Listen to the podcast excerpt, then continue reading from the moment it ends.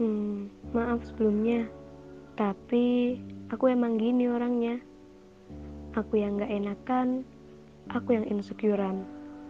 Tiap mau ngelakuin hal-hal yang aku sukain, tapi aku mikir dulu, gimana nanti pendapat orang-orang tentang aku, hal-hal yang aku lakuin, dan semua tentang aku. Hmm, lebih tepat kayak takut gak bisa ngepuasin mereka aja. Ya, walau sebenarnya tuh kan kita hidup bukan buat ngepuasin mereka, tapi perjuangin apa yang pantas buat diperjuangin. Semisal, berjuangin masa depan, ngebahagiain orang tua, juga berjuangin kamu.